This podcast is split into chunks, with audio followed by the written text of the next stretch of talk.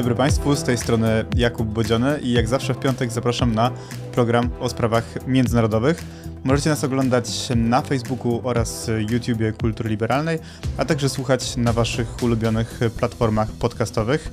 Pamiętajcie o tym, żeby wspierać e, kulturę liberalną, bo ten i inne nasze programy powstają właśnie tylko dzięki życzliwości naszych czytelników, widzów i słuchaczy.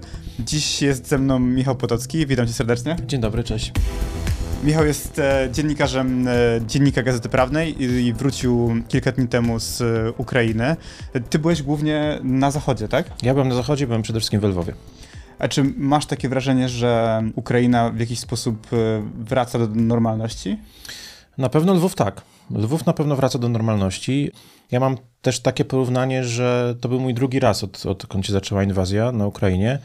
Miałem te dwa czy trzy tygodnie przerwy. No i ponieważ wyjeżdżałem z Ukrainy wtedy również przez Lwów, to mam porównanie, jak to miasto się zmieniło przez te dwa, trzy tygodnie i zmieniło się w sposób y, trudny do opisania wręcz. To znaczy ja chyba dla polskiego czytelnika czy dla polskiego słuchacza można to porównać z tym, jak się polskie miasta zmieniły w trakcie trwania pandemii. Mhm. Że co prawda pandemia narastała, ale stopniowo się przyzwyczajaliśmy do niej. I o ile pierwsze dni, pierwsze tygodnie marca 20 roku to były pustki na ulicach, pozamykane, pozamykane restauracje, no decyzją odgórną, ale, ale jednak mało spacerowiczów i tak dalej, i tak dalej, wszyscy próbowali się chronić w domu. O tyle później, mimo że zagrożenie było w sumie większe, to jednak ludzie wracali do, do normalności.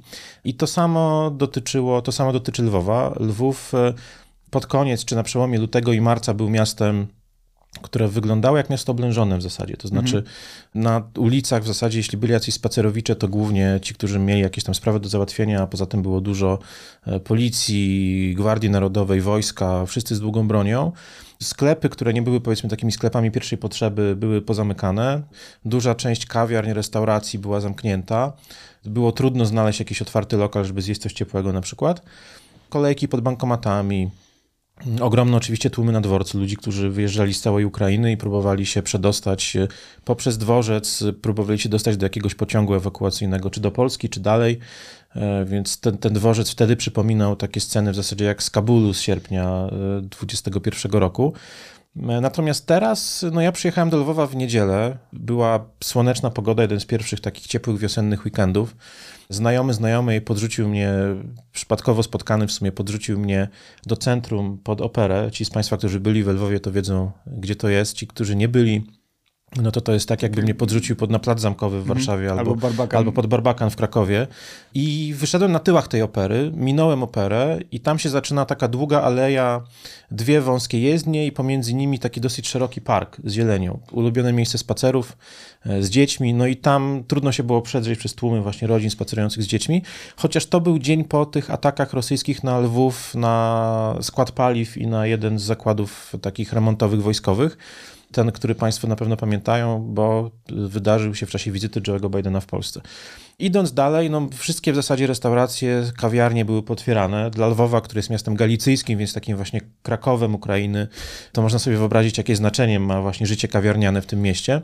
Większość sklepów łącznie z takimi sklepami, które naprawdę nie są potrzebne do przeżycia, na przykład sklepy z, z, z jakimiś pamiątkami dla turystów, to wszystko już jest w tym momencie w Lwowie otwarte i w zasadzie trudno znaleźć jakieś miejsce, które byłoby zamknięte ze względu na wojnę. To znaczy ci ludzie, którzy mieli wyjechać, wyjechali, którzy chcieli wyjechać, wyjechali, chociaż statystyki pokazują, że jednak e, mieszkańcy Galicji są, stanowią mniejszość wśród tych uchodźców, którzy przyjechali na przykład do Polski, i na ich miejsce, na miejsce tych, których wyjechali, szybko znaleźli się jacyś ludzie do pracy y, z tych, którzy z kolei w Lwowie się chronią z Ukrainy centralnej czy wschodniej, a według szacunków miejskich władz tam jest 200 tysięcy ludzi, którzy przyjechali właśnie ze względu na wojnę właśnie do Lwowa i, i w, gdzieś tam w okolice. Więc nastąpiła taka wymiana pracowników, mhm. Natomiast miasto no, stara się żyć normalnie i szczerze mówiąc na pierwszy rzut oka wygląda bardzo normalnie, wygląda bardzo przedwojennie, Natomiast na drugi rzut oka widać na każdym kroku, że takie ślady, akcenty wojenne jednak, e, jednak są. No tak, znaczy też sam Lwów e, był miejscem relatywnie bezpiecznym de facto od samego, od samego początku wojny, tak? W porównaniu na przykład do, do Kijowa, już nie mówiąc o tym, co się dzieje na południu czy, czy wschodzie kraju. Tak, i on pozostaje miejscem relatywnie bezpiecznym, dlatego że o ile na wschodzie Ukrainy, nawet Kijów nawet nie jest takim, w zasadzie można podzielić całą Ukrainę na trzy części. Na tę część, e, którą Rosjanie bombardują, niezależnie od tego, czy to są cele cywilne, czy wojskowe, Charków, Czernichów do niedawna, e, Mariupol, cały wschód Ukrainy, tak jakby chcieli się. Ja mam na to swoją teorię, nie podpartą żadnymi faktami. Później może do niej przejdę. Czyli to jest ta część taka właśnie tej wschodniej Ukrainy, od Charkowa po, po Mariupol, wzdłuż linii frontu, która jest bombardowana nieustannie. W zasadzie tam już nie są nawet ogłaszane alarmy często. Nie wyją syreny, bo, na przykład na Charków rakiety spadają non-stop. Wiem o tym też od, od swojego kolegi redakcyjnego Zbyszka Parafianowicza, który właśnie z Charkowa e, wrócił do Kijowa. E, jest ta część centralnej Ukrainy, gdzie ostrzały przede wszystkim dotyczą jednak e, infrastruktury wojskowej albo podwójnego przeznaczenia, ale mimo to od czasu do czasu bomby również spadają na miejsca cywilne. Mhm. Mieliśmy zbombardowany dworzec w Mikołajowie na przykład niedawno. W Kijowie bomby też spadały na centra handlowe, na, na budynki mieszkalne, więc to jest taka strefa powiedzmy pośrednia. I jest ta strefa zachodnioukraińska, y, w której jednak przede wszystkim bomby i rakiety spadają na cele albo wojskowe, albo podwójnego przeznaczenia. I Lwów jest takim dobrym symbolem, dlatego że w Lwowie, jeśli te rakiety spadały, to rzeczywiście spadały albo na składy paliw. Rosjanie zaostrzyli ataki na składy paliw jakieś dwa tygodnie temu, albo na, no zbombardowano też zakład, y, w którym można było remontować sprzęt wojskowy, y, albo na lotniska, na, na bazy wojskowe, poligon pod Jaworowem, czyli tego typu cele. W związku z czym ludność cywilna Lwowa czuje się relatywnie bezpiecznie. Duża część mieszkańców wręcz ignoruje te alarmy powietrzne i po prostu nie schodzi do schronu. Tak, tak. Natomiast... tak. Ja, ja widziałem właśnie takie zdjęcia, to chyba była relacja dziennikarza z CNN, który mówił coś, to było, to było w Lwowie, normalnie do, do swojego programu, natomiast na tle spacerowali sobie spokojnie przechodnie, podczas tego, kiedy ten alarm bombowy czy, czy przeciwlotniczy właśnie miał miejsce i jakby nikt nie zwracał na niego uwagi, tak? To znaczy to był taki dźwięk podłożony w tle, wydawałoby się, że tam go nikt nie słyszy. Tak, i ja, ja byłem świadkiem dokładnie takich samych scen. To znaczy, po tym ataku y, w sobotę, w czasie wizyty Bidena w Polsce, więcej ludzi zaczęło korzystać ze schronów i schodzić do nich. Natomiast mimo to, ja przyjechałem w niedzielę, dzień po tym ataku. Y, nie miałem wrażenia, żeby to było, żeby to była większość populacji. To znaczy, miałem wrażenie, że to jest mniej więcej 50-50, mhm. pół na pół. To znaczy, że że ludzie, że duża część ludzi rzeczywiście szuka schronienia, ale duża część ludzi zajmuje się dalej swoimi, swoimi sprawami. Raz mi się zdarzyło, że taki alarm złapał mnie w czasie podróży taksówką przez miasto i nie miałem wrażenia, żeby jakoś kierowcy nagle zaczęli nerwowo na to reagować. Po prostu kursował, kursował transport publiczny, autobusy jeździły, trolejbusy. I no to jest tak, tak jak mówię, 50-50. Z rozmów ze znajomymi z Lwowa, czy z ludźmi, z którymi tam, z mieszkańcami Lwowa z którymi rozmawiałem, radykalnie różne, różne podejście. Jedni mówili, że no przecież oni tu atakują tylko cele wojskowe, ja jestem w centrum i nie mam się czego bać, aż po ludzi, którzy mówili, ja mam po co żyć i jak tylko jest alarm, to ufam, jakby bardziej ufam swojej obronie przeciwlotniczej niż rosyjskim, niż rosyjskim e, najeźdźcom, tak? mhm. którzy do tej pory strzelali w wojsko, ale generalnie to nie jest wcale powiedziane, że nie mogą że nie mogą strzelić też, nie wiem, w rynek, w dworzec. No tak, no szczególnie biorąc pod uwagę to, co się dzieje właśnie w innych częściach kraju, kiedy tam e, Rosjanie z premedytacją atakują obiekty cywilne. Zresztą dzisiaj rozmawiamy w piątek. Mieliśmy do czynienia z ostrzelaniem dworca w Kramatorsku, czyli na wschodzie Ukrainy, takiego miejsca, e, które było centrum de facto dla wszystkich uciekinierów z całego Donbasu, tak? Wybitnie perfidny atak, dlatego że rzeczywiście e, dworce kolejowe, zwłaszcza takie dworce kolejowe jak ten w Kramatorsku, są miejscem, z którego, gdzie ludzie się zbierają i wsiadają do pociągów ewakuacyjnych. Te pociągi ewakuacyjne są organizowane przez Ugrzaliznycę, czyli przez miejscowy odpowiednik PKP, bez podawania godziny odjazdu. To znaczy ludzie po prostu przychodzą na dworzec i czekają. Na tym dworcu i czekać. 30 tak? minut, albo godzinę, albo 4 godziny. Czekają na odjazd. Te, te pociągi odjeżdżają wtedy, kiedy się wypełnią, wtedy, kiedy się po prostu zapchają. Kiedy ludzie tam wejdą i nie będzie już w zasadzie miejsca, żeby chociażby stanąć w korytarzu, to wtedy te pociągi odjeżdżają. A y, parę dni temu władze lokalne i centralne zresztą też zaapelowały do mieszkańców takich miast jak Kramatorsk o to, żeby żeby się ewakuować stamtąd w oczekiwaniu na decydującą bitwę tej wojny, na bitwę o Donbas. W związku z czym e, wiadomo było z góry, że na dworcu w takim Kramatorsku w dowolnym, o dowolnej godzinie, poza pewnie godziną policyjną w nocy, no będą tłumy.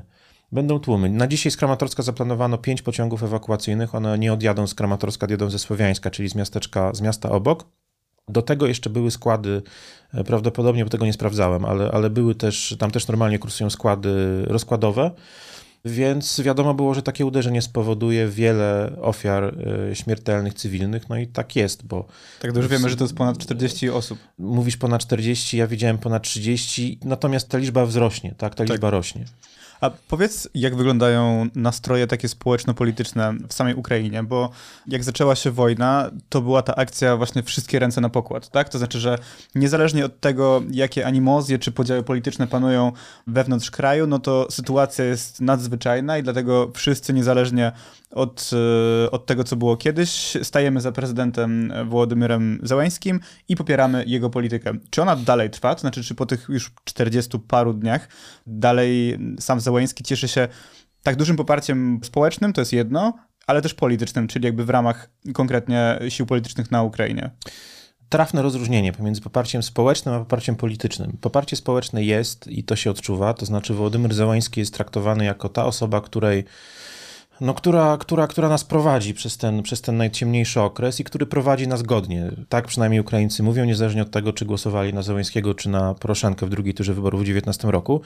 No mówią no właśnie, to też ty, w Lwowie. Bo, właśnie, bo ty byłeś też w Lwowie i w Lwowie Poroszenko wygrał, tak? Lwów był, y, obwód lwowski był jedynym ukraińskim obwodem, w którym Poroszenko wygrał drugą turę wyborów. Mhm. Y, natomiast mimo to Zełenski jest traktowany jako ta osoba, która na szczęście albo, no w Lwowie częściej niestety, ale jest tym naszym przywódcą, w związku z czym trzeba, trzeba no, patrzeć mu na ręce, ale mu ufać i skupić się wokół niego. To skupienie wokół, wokół przywódcy, ono jest, ono jest realne i jest bardzo naturalne i przychodzi Ukraińcom dosyć łatwo.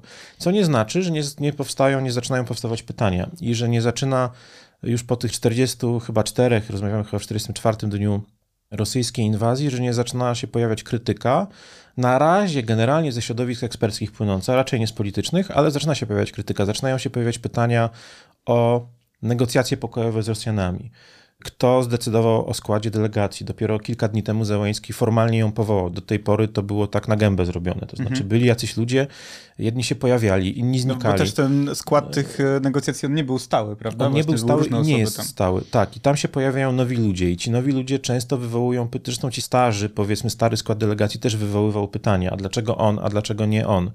E, zaczynają się pojawiać wątpliwości już takie natury, natury mocno politycznej, dotyczące na przykład tego, dlaczego władze podjęły decyzję o wyrzuceniu z e, czegoś, co takiego odpowiednika multiplexu cyfrowego, trzech telewizji zbliżonych do Poroszenki to jest traktowane jako taki krok wyprzedzający przed krytykę, która nastąpi w momencie, kiedy Ukraińcy rzeczywiście porozumieją się w jakiś sposób z Rosjanami.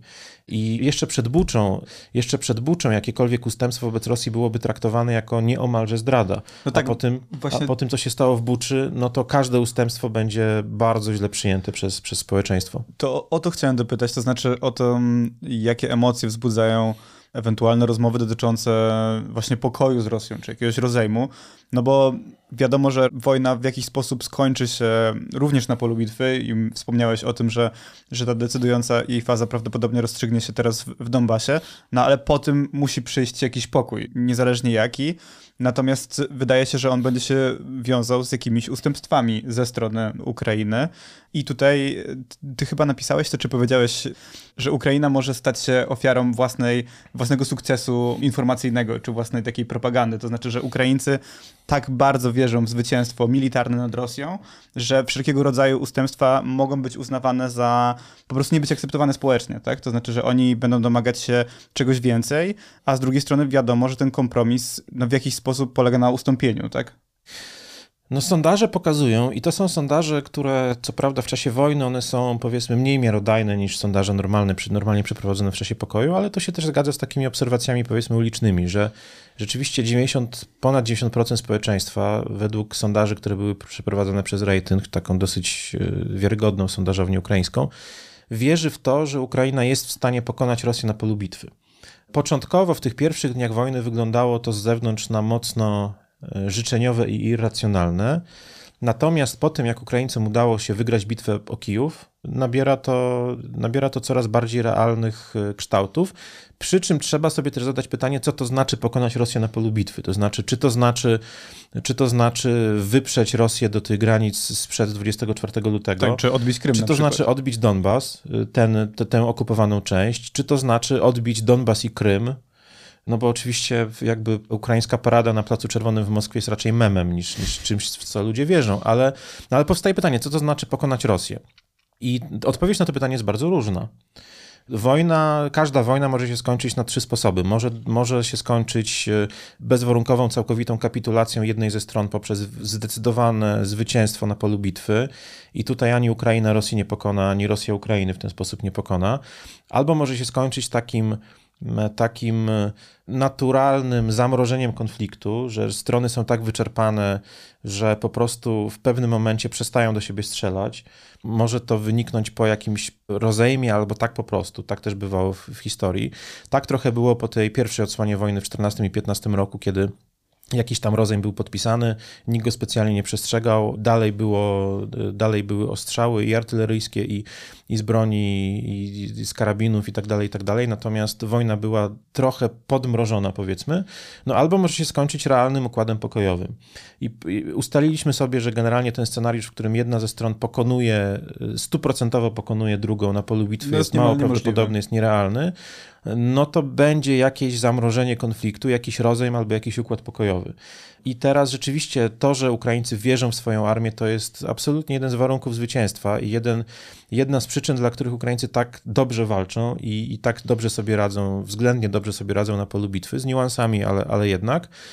No ale ten sukces informacyjny może ich doprowadzić do solidnego kryzysu politycznego w sytuacji, w której Zełański przywiezie z negocjacji jakiś papierek, w którym będzie napisane, no, że jednak do tego NATO nie wejdziemy, albo że jednak zamrażamy rozmowy o Donbasie i Krymie na 15-30 lat, jak, no, jak to zostało właśnie zaproponowane. Po, powiedzmy może coś więcej o tych wstępnych warunkach e, negocjacji pomiędzy Rosją a Ukrainą.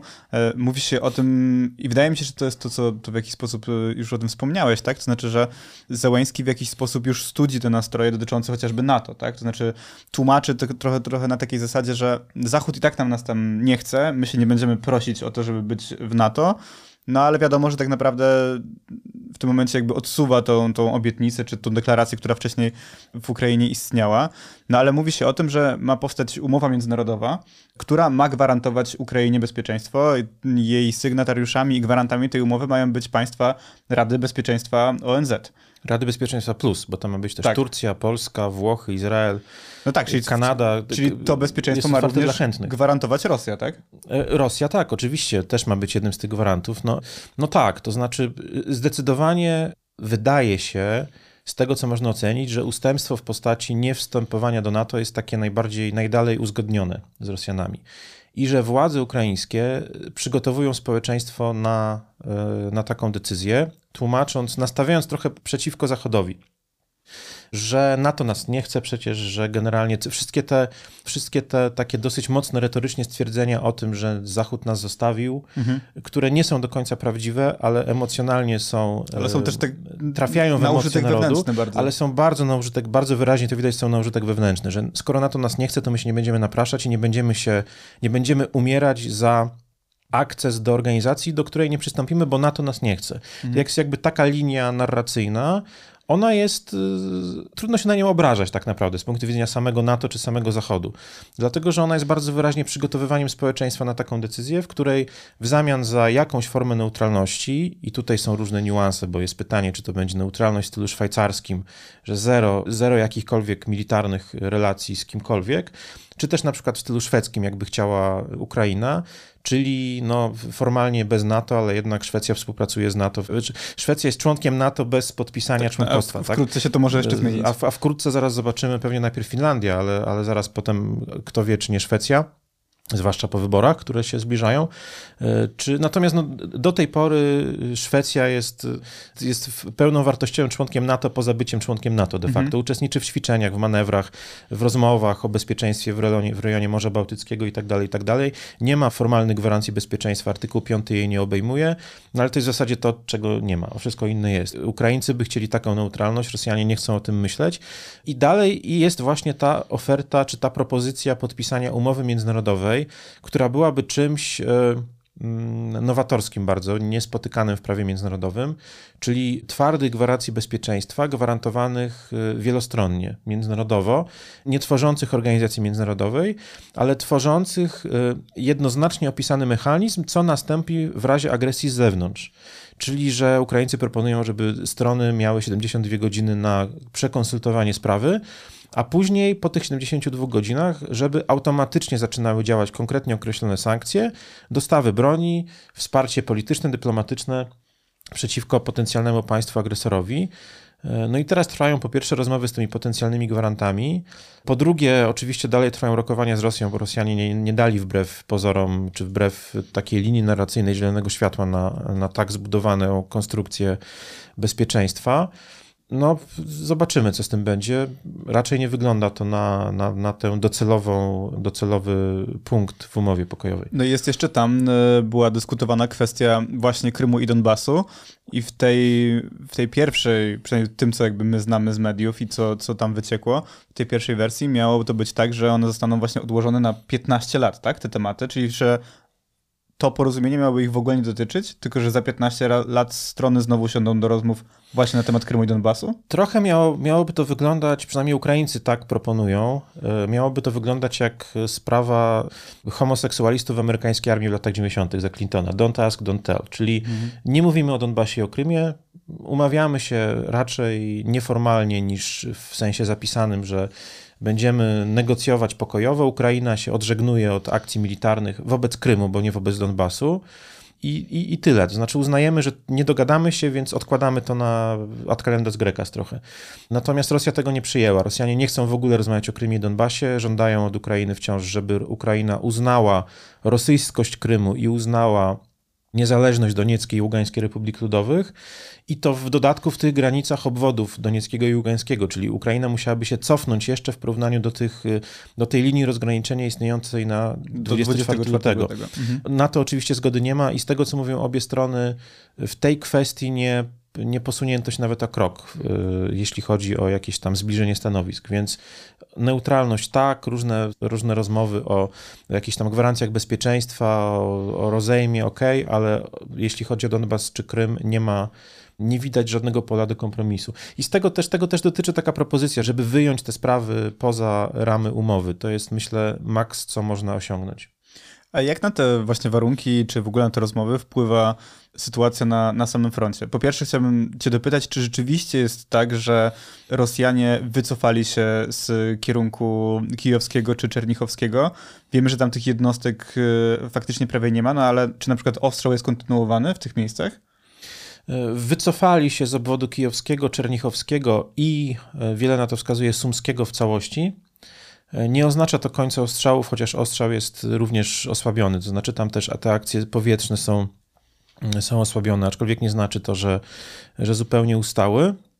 No, wszystko wskazuje na to, że Rosjanie przerzucą te jednostki wycofane właśnie na, do obwodu charkowskiego, ługańskiego i donieckiego i że będą próbować... E, I Ukraińcy, jak rozumiem, również, tak? To Ukraińcy znaczy... również, ale Ukraińcy nie mogą się wycofać w 100%, bo nie ma żadnej gwarancji, że jeżeli, i prawdopodobnie zresztą tak by było, że gdyby Ukraińcy wycofali się na przykład spod stolicy, zwłaszcza, zwłaszcza powiedzmy z obrony Kijowa, to że tam natychmiast nie weszliby Rosjanie z powrotem, bo ja nie mam, nie sądzę, żeby Rosjanie zarzucili zupełnie swój podstawowy cel, jakim jest obalenie władz ukraińskich i zainstalowanie w Kijowie własnej marionetki.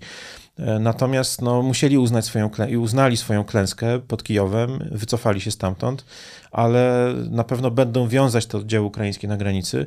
Myślę, że do końca będą próbowali przekonywać Ukraińców poprzez różne wrzutki medialne, że, że są gotowi do ataku od strony Białorusi ponownego, do zaangażowania sił zbrojnych, również samych białoruskich sił zbrojnych i nie, jest, nie da się tego wykluczyć.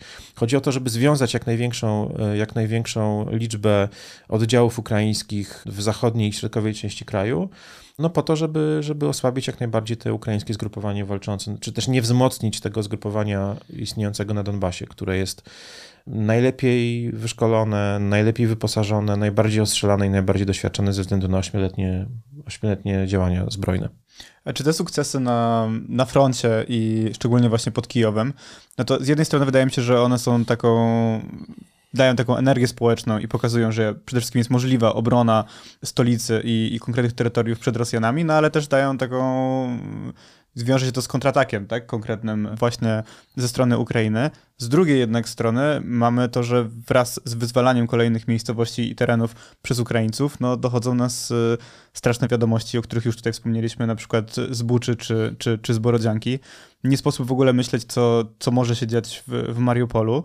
To rozumiem raczej nie poprawia tej atmosfery w stosunku do, do rozmów pokojowych, tak? To znaczy, że jeśli widzimy po prostu ludobójstwo, no to, to nie chcemy się z takim kimś układać w żaden sposób. I to pokazuje, że Rosjanom najprawdopodobniej nie zależy wcale na razie na, na realnych rozmowach pokojowych, to znaczy takich rozmowach, których by których celem byłoby dojście do jakiegoś, do jakiegoś układu.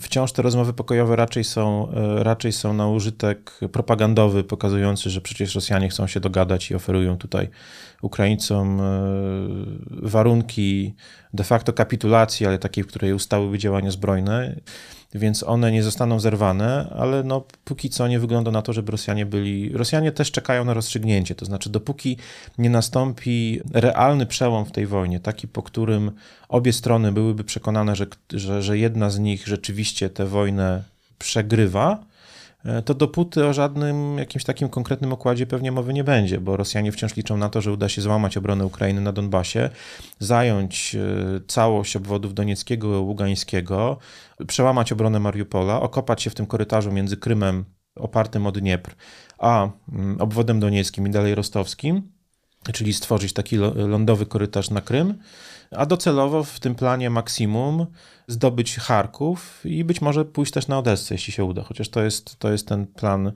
chyba maksymalny i na razie, na razie trudny do wyobrażenia. I natomiast Ukraińcy musieliby pokonać, musieliby rzeczywiście wygrać drugą e, z tych poważnych bitew, czyli bitwę o Donbas. No i wtedy będzie, wtedy otworzy się pole do układu pokojowego. Natomiast dopóki Donbas nie zostanie rozstrzygnięty, to żadnego porozumienia nie będzie. No właśnie. A jak ty interpretujesz to, co się stało w Buczy? To znaczy, ja spotkałem się z dwoma takimi wyjaśnieniami tego. To znaczy, jedno było to, że Rosjanie cofali się w takim popłochu, że zwyczajnie nie zdążyli zatrzeć śladów tego, co zrobili. No a drugie jest to, że zrobili to specjalnie. Tak? To znaczy, że wywołali taki terror, który miał przestraszyć i ma przestraszyć e, Ukraińców, czy, czy zachęcić ich do na przykład poddawania się kolejnych miast, no bo widzicie, co my zrobimy z osobami, które, które nam się sprzeciwiają. Jest ci bliżej do którejś z tych interpretacji? Mm, obie te interpretacje mają rację bytu. Tak naprawdę musimy poczekać na to, aż ktoś się, mówiąc kolokwialnie, wygada a biorąc pod uwagę historię 8 lat wojny rosyjsko-ukraińskiej, zawsze taki ktoś e, ostatecznie wychodzi. To znaczy my Czy już możemy... były, tylko były, były jakieś niemieckie doniesienia o tym, że udało się przechwycić rozmowy rosyjskich e, żołnierzy na temat tej masakry, natomiast jeszcze szczegółów nie znamy. To prawda, chociaż ja takie rozmowy, przechwytywane rozmowy, w których nie uczestniczą osoby publiczne, czyli publicznie znane, traktuję z, z dystansem, dlatego że my nie, nie możemy być pewni, czy te na ile te rozmowy są miarodajne i na ile mhm. są rzeczywiście zostały nagrane, a na ile są elementem, elementem polityki informacyjnej który, strony ukraińskiej. Więc y, tak, są takie, można je traktować jako, jako przesłanki, czy jako taki wstęp do dalszego, do dalszego dłubania, ale nie jako dowód ostateczny. Natomiast te 8 lat Donbasu pokazało, my jesteśmy w stanie udowodnić Rosjanom wszystkie te zbrodnie, o których mówili Ukraińcy przez te 8 lat, popełniane w 14-15 roku, w zasadzie wyłącznie na cytatach z ich wataszków, dowódców polowych, albo żołnierzy, którzy potem postanowili napisać wspomnienia. I te wspomnienia są, są, są niesamowicie ciekawe. Ja je staram się kompletować i w zasadzie wyłącznie na nich można sporządzić akt oskarżenia wobec Federacji Rosyjskiej za agresję w 14 roku. To na Ale marginesie. To są memuary? To, znaczy to są memuary, książki wydawane, normalnie wydawane nawet na dobrym, porządnym, kredowym papierze. Jest taki gość, który się nazywał Żuczkowski, który był świadkiem e, wejścia do Słowiańska, tej pierwszego, pierwszego oddziału Igora Girkina z Tyłkowa i on tam krok po kroku opisuje, jak to technicznie wyglądało. To jest gotowy, to jest gotowy akt oskarżenia. Nie trzeba wcale sięgać po to, co Ukraińcy mówili. To samo Striełkow, który uwielbia występować w mediach i opowiada bardzo szczerze o wszystkim. Hubariew wydał wspomnienia, czyli pierwszy przywódca tak zwanej Donieckiej Republiki Ludowej. Zachar Prilepin, pisarz, który też tam y, trochę udawał, ale trochę też faktycznie walczył po stronie Rosjan i separatystów na Donbasie, który też wydał książkę o wojnie wspomnieniową. No, wymieniłem cztery pozycje, ale można, można to kontynuować kontynuować. I ja czegoś podobnego oczekuję po tej wojnie, chociaż tutaj blokada informacyjna po stronie rosyjskiej działa dużo skuteczniej niż 8 lat temu, to też trzeba przyznać. Więc na odpowiedź ostateczną na to pytanie musimy trochę poczekać, ale wracając do Twojego pytania, e, myślę, że e, obie te interpretacje na razie muszą być przyjęte jako, jako możliwe. Ja sobie wyobrażam, że decyzja o wycofaniu się spod e, Kijowa zapadła na wysokim szczeblu i nie, nie zdążyła dotrzeć do dowódców w terenie, którzy tej masakry dokonywali, czy też przymykali na nią oko, czy też rozkazali ją, jej przeprowadzenie, i oni mogli dostać rozkaz wycofania się na tyle późno, że nie zdążyli po sobie posprzątać śladów. Natomiast wyobrażam sobie też drugą, drugi scenariusz, chyba jeszcze gorszy, z punktu widzenia oceny moralnej tego, co tam się wydarzyło, w której ta masakra została przeprowadzona e, celowo, po to, żeby siać terror wśród ludności cywilnej ukraińskiej, zmuszać ją do ucieczki, do wyjazdu, do ewakuacji, do powodowania większych problemów e, w sensie ilościowym z uchodźcami, na przykład w Polsce i w innych krajach europejskich, czy też na zachodniej Ukrainie, zwiększać presję, presję uchodźczą, żeby przełamać ducha ukraińskiego, żeby oni, Ukraińcy zaczęli myśleć, że może jednak warto się poddać, oddać część Ukrainy, ale nie cierpieć w ten sposób, albo może też po to, żeby przykryć klęskę na froncie. Bo proszę zwrócić uwagę, że Ukraińcy mieli pełne prawo świętować po tym, jak udało im się wyprzeć Rosjan z obwodu kijowskiego i wyprzeć ich z Czerni, spod Czernichowa, obronić stolicę. Natomiast o świętowaniu nie było mowy, bo, bo internet ukraiński, media ukraińskie przygniotły te brutalne zdjęcia i filmy właśnie z Buczy, z Borodzianki, spod Czernichowa i z wielu innych miejsc. Tak, no właśnie odpowiadając na, na, na to, co mówiłeś, to jedno jest tak, że faktycznie wśród tych prorosyjskich blogerów, czy na przykład youtuberów jest teraz taka narracja, że to de facto od początku był plan. To znaczy, żeby, że wcale Kijowa nie chcieliśmy zdobywać, a jeśli chcieliśmy, no to zawiodły nas prorosyjskie, ukraińskie elity, które miały tam coś wcześniej przygotować i być gotowe na, na przyjście Rosjan. Tak się nie stało, w związku z tym my teraz przechodzimy do rzeczywistego, możliwego do realizacji planu i to jakby jest bardzo tak usilnie tłumaczona ta klęska rzeczywista jako taki zaplanowa... Celowa klęska, no bzdura tak. kompletna oczywiście. Okej, okay, teoretycznie, teoretycznie można by sobie wymyślić taki scenariusz, w którym atak na Kijów jest pozorowany po to, żeby Żeby związać tak. na przykład siły ukraińskie Natomiast tam. on jest, on nie wytrzymuje, nie wytrzymuje zderzenia z faktami, bo fakty są takie, że pierwszego dnia, pierwszego i drugiego dnia wojny rosyjskie WDW, czyli desant, y, czyli, czyli komandosi, tak, siły, siły powietrzno-desantowe przypuściły mm, desant na lotnisko w Gostomelu. Desant został rozstrzelany przez Ukraińców, Ukraińcy się obronili. Później to samo Rosjanie spróbowali w Wasylkowie na innym lotnisku z innej części Kijowa pierwszego czy drugiego dnia byli już zwiadowcy, pierwsze oddziały na Obołoniu w Kijowie, czyli na takiej północnej dzielnicy Kijowa, blokowisku kijowskim, który polski słuchacz może kojarzyć nazwę Obołoń z marki piwa, bo tam są duże browary kijowskie, ale to jest od nazwy dużego osiedla w Kijowie, od północnej strony. Pod zoo w Kijowie, też od tej strony północno-zachodniej, były też już jakieś starcia, nie do końca wiadomo z kim, ale, ale też były. były grupy dywersantów. Były grupy miasta. dywersantów w Kijowie. Pierwszy taki półtorej doby trwająca godzina policyjna w pierwszy weekend była właśnie po to, żeby wyczyścić Kijów z dywersantów i to się do pewnego stopnia udało, no to nie wytrzymuje zderzenia z faktami. Scenariusz był taki jak w Pradze w 1968 roku. Desant WDW na lotnisko w Pradze, opanowanie lotniska, y, wyczyszczenie okolicy, y, lądowanie samolotów z oddziałami już y, szturmowymi i opanowanie stolicy kraju.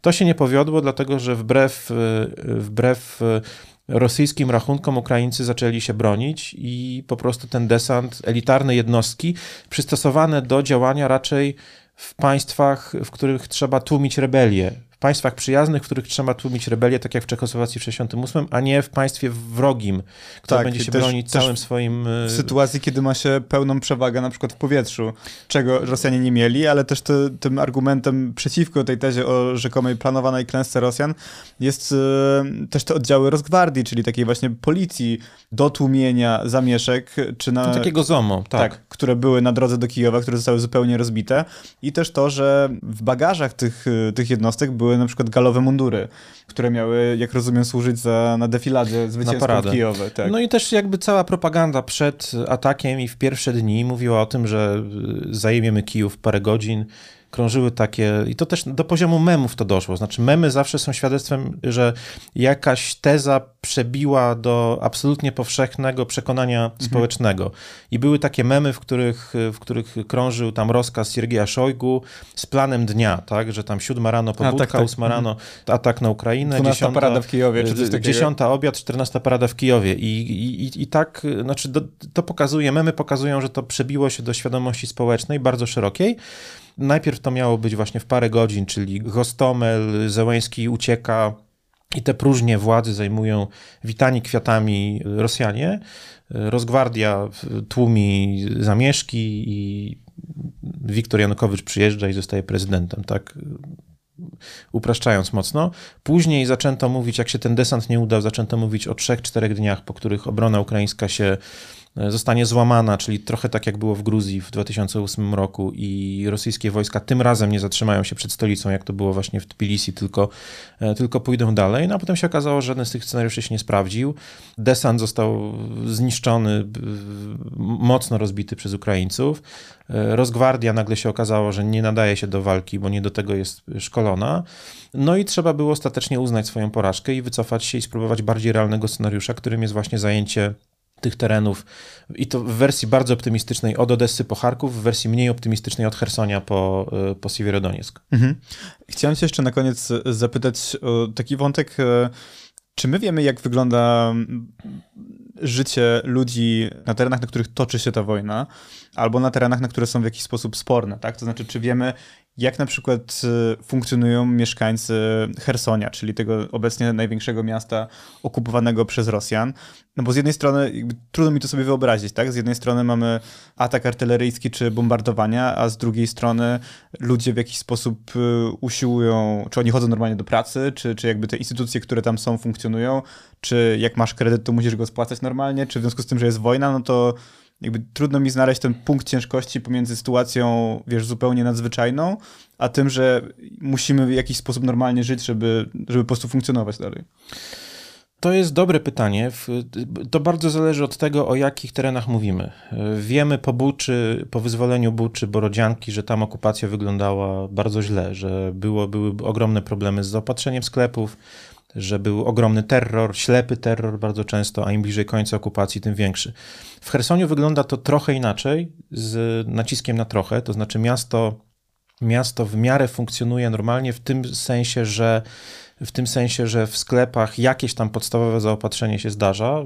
Te sklepy są zaopatrywane teraz z Krymu przede wszystkim. Jakieś tam podstawowe zakłady działają. Natomiast, y, natomiast terror, terror istnieje, to znaczy są tworzone listy proskrypcyjne, są zatrzymywani, wtrącani do, do, do aresztów, bardzo często takich partyzanckich aresztów tworzonych w piwnicach gdzieś tam, to co było zresztą też na Donbasie w 14 roku. Są, są wtrącani dziennikarze, aktywiści proukraińscy, członkowie partii politycznych proukraińskich z czasów pokoju, jacyś działacze społeczni, weterani ATO, czyli operacji antyterrorystycznej tak zwanej w Donbasie, czyli atosznicy, tak to się o nich mówi. Czyli tego frontu wschodniego ukraińskiego. Tak, są wyszukiwani, są wyszukiwani ludzie, którzy, którzy, którzy których pozycja obywatelska wskazuje na to, że oni będą proukraińscy zawsze, że nie, że nie ma szans, żeby oni się dostosowali do nowych warunków. Są liczne informacje o, o porwaniach i zaginięciach tego typu ludzi. Właśnie, czy my wiemy, co się z tymi ludźmi dzieje? Mm, niektórzy giną, niektórzy, niektórzy siedzą gdzieś tam w aresztach. Nie, nie bardzo o tym wiemy, dlatego że Oczywiście nie ma mowy o dopuszczaniu na przykład do aresztów, tak? O, nie ma mowy o tym, żeby ktokolwiek tam przestrzegał, nie wiem, kodeksu postępowania karnego, tak? Żeby y, były stawiane zarzuty w jakieś sądy i tak dalej. Znaczy ludzie po prostu trafiają w niewolę, taką półlegalną, w zasadzie nielegalną i co się potem z nimi dzieje, no są trochę uzależnieni od y, dobrej bądź złej woli okupanta.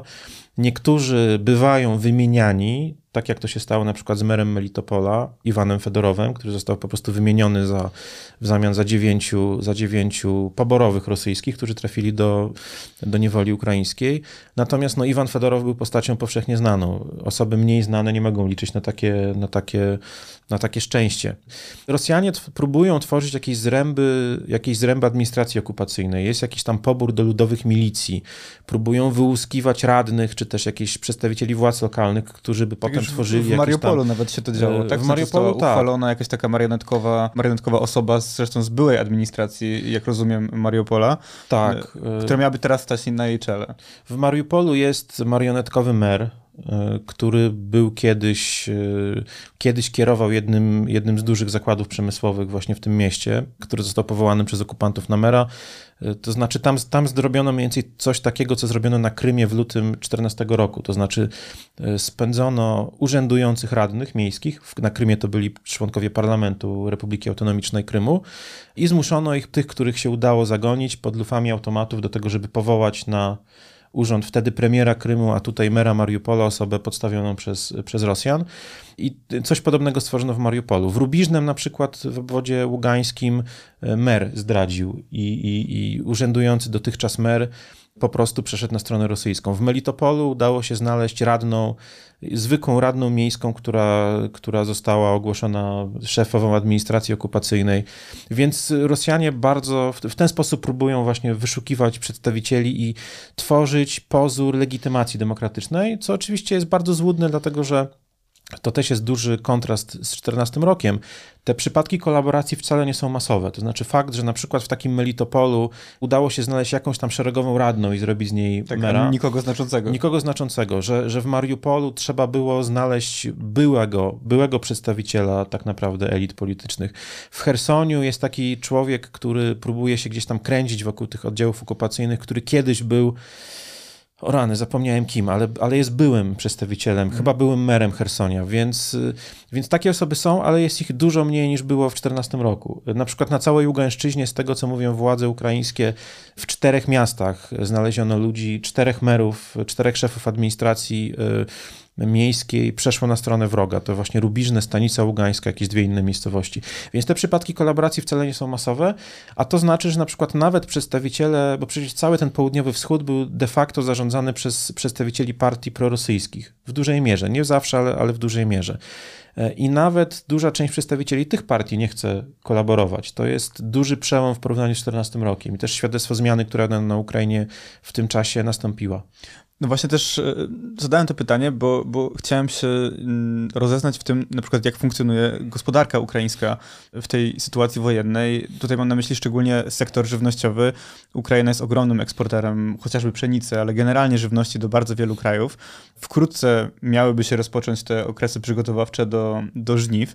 Czy... No, trwa kampania siewna, więc... To, znaczy, tak, tak, ale mm. właśnie jakby no, ten, ma się rozpocząć ten cały, ten cały proces. Czy ona mhm. faktycznie trwa? W sensie, czy jest możliwe jakby teraz głównie rolnicy ukraiński znani są, znani są z odholowywania sprzętu rosyjskiego. Ale jeden z przykładów sukcesu polityki informacyjnej. Tak, tak, tak, tak, ale tak. powiedz, czy wiesz, no my teraz traktujemy to chwilowo humorystycznie, no ale czy rzeczywiście na przykład Ukrainie może grozić kryzys żywnościowy w związku z tym, co, w związku z wojną? Nie, aż tak to nie. Ukraina jest spichlerzem świata. Kryzys żywnościowy grozi Somalii, Egiptowi w tym momencie raczej niż Ukrainie, w tym sensie, że Ukraińcy, nawet jeżeli, nawet jeżeli zbiory spadną o połowę, to oni się wyżywią. Problemy mogą czekać raczej z dystrybucją żywności, ich. To znaczy, rzeczywiście problemy z żywnością zdarzają się na tych terenach blokowanych czy też, czy też okupowanych przez Rosjan. Do Hersonia Rosjanie raczej starają się chleb dostarczać, ale na przykład do Czernichowa był z tym ogromny problem. Czernichów był w pewnym momencie realnie zablokowany przez siły rosyjskie. W Buczy w Borodziance, na tych przedmieściach też był problem z żywnością, bo tam nie było jej specjalnie skąd y, dowozić. Rosjanie nie przepuszczali transportów z, z, z, części nieokupowanej i sami generalnie niespecjalnie się tam spieszyli z tym, żeby zaopatrywać sklepy. Natomiast wszystkie miasta, które, do których jest dostęp, one raczej nie będą głodować. Tam może być problem z jakimiś bardziej, z wyborem tak, produktów. Mhm. Może, mogą być jakieś okresowe problemy. Natomiast y, państwo funkcjonuje i w sklepach y, towary są dostępne. Ukraina jest tak ogromnym producentem y, zboża, że na potrzeby własne to zboże będzie. Problemy są, natomiast problemy będą z eksportem i na przykład Somalia, która w 100% eksportowała, y, importowała, importowała, przepraszam, zboże z Rosji i Ukrainy, tam może być głód. I jeżeli, jeżeli teraz Somalia też jest w okresie wyborczym, jeżeli tam dojdzie do jakichś starć w najbliższych miesiącach, to to będzie odprysk wojny o Ukrainę w Egipcie, jeżeli tam dojdzie do rewolucji, e, do protestów masowych, to będzie to odprysk wojny o Ukrainę. Dlatego, że Ukraina oczywiście w pierwszej kolejności będzie zaopatrywać samą siebie. Jakie są problemy? Problemy są z tym, że mogą być duże problemy z paliwem. Rosjanie celowo bombardują składy paliwa, to paliwo idzie do wojska, ale to paliwo teraz jest bardzo potrzebne w kampanii siewnej i y, w sierpniu, wrześniu będzie bardzo potrzebne do y, żniw. Mhm. Mogą być problemy z siłą roboczą, tak? Y, Ukraińcy są mobilizowani, trafiają na front. W tym momencie kilkaset tysięcy do miliona Ukraińców jest zaangażowanych albo w siłach zbrojnych, albo w Gwardii Narodowej, albo w obronie terytorialnej na swoim terytorium. Nie wszyscy mogą swoje pola uprawiać. No I też część z nich wyjechała na pewno. Wiadomo, część z nich wyjechała. jest ograniczone, no ale część, część z nich wyjechała. Część z nich wyjechała. Najlepsze, najlepsze, najlepsze gleby ukraińskie to jest centralna Ukraina i Ukraina wschodnia. Tam, gdzie toczą się działania wojenne, nikt nie będzie y, siał ani zbierał tam, gdzie relatywnie duża część pól jest zaminowana, albo są jakieś niewybuchy, albo była bombardowana, albo są jakieś odłamki, tam też raczej trudno, trudno prawda, z kombajnem wyjechać, y, albo z innym sprzętem rolniczym. Więc y, kampania siewna trwa. Z tego, co mówią statystyki, ona jest mniejsza o 20-30% w sensie rozmiarów, liczby hektarów zasiewanych. Ja jestem specjalistą od rolnictwa, więc muszę szukać słownictwa, muszę sobie przypominać. Spokojnie. Natomiast, natomiast 20-30%. Władze ukraińskie apelują apelują do rolników o to, żeby skupiać się na tych, na tych e, zbożach, które mają wyższą wartość energetyczną i które zajmują mówiąc wprost, zajmują mniej szyb, miejsca. A, okay. Znaczy są cięższe i zajmują mniej miejsca. Czyli na przykład, żeby, nie wiem, czy dobrze trafię znów, nie jestem ekspertem, ale jeżeli, jeżeli na przykład y, pszenica zajmowała jeden kontener, a na przykład y, kukurydza zajmuje pół kontenera z takiego samego, powiedzmy, z takiej samej powierzchni zasiewów, to żeby stawiać raczej na kukurydzę. Po to, żeby eksport, który do tej pory wypływał z Ukrainy przez porty, Odessę, Mariupol, Mikołajów, które są teraz Berdiańsk, które są zablokowane i praktycznie nie działają, żeby się zmieścił na koleje. Mhm. Kolejowe przejście graniczne to jest wąskie gardło z kolei, więc więc jest stworzony taki specjalny, specjalna platforma online, która kojarzy Y, stworzona do tej pory przez kontrolerów jakości żywności, którzy do tej pory chodzili i patrzyli, czy tam ludzie ręce myją, prawda, w fabrykach mleka, w mleczarniach, a teraz kojarzą klientów i producentów. Łańcuchy dostaw się trochę pozrywały, gdzie niegdzie, w związku z czym dużo odbiorców straciło dostawców, a dużo dostawców straciło odbiorców. I ta platforma ma w sposób scentralizowany kojarzyć tych, którzy dalej działają, tak, żeby producent kukurydzy mógł ją dostarczyć na przykład do jakiegoś tam samorządu, który tego potrzebuje. Częściowo państwo wprowadziło scentralizowane zakupy interwencyjne, po to, żeby tę żywność wysyłać na przykład do miast blokowanych za darmo, do takiego Czernichowa, który już jest co prawda odblokowany, ale zaraz będą kolejne miasta zablokowane. Więc to jest ogromny wysiłek, cały oddzielny front, który walczy o to, żeby po pierwsze nigdzie nie brakowało chleba, żeby po drugie rolnicy mieli y, zbyt, odbiorcy mieli pożywienie i żeby w miarę możliwości udało się jeszcze jakiś eksport wygospodarować, bo to są oczywiście no z, jednej strony, z jednej strony dewizy, z drugiej strony szkoda tracić rynki, które Ukraina podbijała w minionych latach po prostu w sposób y, fenomenalny. No a po trzecie, gdzieś tam też jest takie, to też dobrze działa w polityce informacyjnej i w propagandzie, żeby Ukraińcy mówią, my żywimy połowę tam Afryki i Bliskiego Wschodu i Rosja, y, rosyjska agresja sprawia, że zaraz Egipcjanie i Somalijczycy będą głodować, a my tutaj staramy się mimo wszystko z tych swoich kontraktów się wywiązywać. Więc to jest bardzo wielowymiarowe. Nie jestem ekspertem, mam nadzieję, że niczego nie pokręciłem, ale ale interesowałem się tym też będąc na Ukrainie w, w ostatnich dniach i, i, i, mnóstwo ludzi pracuje nad tym, żeby to jakoś funkcjonowało. Mhm. Tu mam jeszcze ostatnią rzecz już naprawdę dla ciebie zapisaną. Mówiłeś o tym, że masz teorię dotyczącą właśnie tego starcia w Donbasie. Mhm. Y, pragniesz się jeszcze z nami nią podzielić? Rzeczywiście, zapomniałem się nią podzielić wcześniej, natomiast mi się wydaje, że ta brutalność, z jaką Rosjanie traktują mieszkańców wschodniej i południowej Ukrainy, zwłaszcza w porównaniu z, z tym z tymi mimo wszystko dosyć e, precyzyjnymi atakami w zachodniej Ukrainie wynika chyba z tego, że Rosjanie traktują rosyjskojęzycznych Ukraińców jako zdrajców, a ukraińskojęzycznych jako wrogów. Zdrajców się traktuje gorzej niż wrogów. I mam wrażenie, że to, że Ukraińcy ze wschodniej Ukrainy, którzy w przekonaniu Rosjan tylko przez to, że mówią po rosyjsku, mieli witać okupanta z kwiatami, a tego nie zrobili, są traktowani przez Rosjan właśnie z dużo większymi, są karani za to, że ich nie witają z kwiatami. Bo y, zachodnia Ukraina w rosyjskiej propagandzie to zawsze byli faszyści, banderowcy i, i odszczepieńcy, w związku z tym z wrogiem wszystko jest jasne. A wschodnia Ukraina, częściej mówiąca po rosyjsku, miała ich witać z kwiatami, nie powitała, więc teraz ponosi za to za to cenę. Oczywiście to jest bardziej intuicyjne, ja nie mam na to żadnych dowodów, natomiast, natomiast może być coś, coś na rzeczy, no bo ta różnica jest, a już zwłaszcza po tym, co się dzisiaj chociażby w Kramatorsku stało, jak jest ostrzeliwany Charków, jak jest traktowany Mariupol, ta różnica jest, no ten kontrast jest, jest uderzający. Bardzo Ci dziękuję za, za dzisiaj i na pewno do tego tematu będziemy jeszcze wracać. Dziękuję serdecznie, do usłyszenia, do zobaczenia.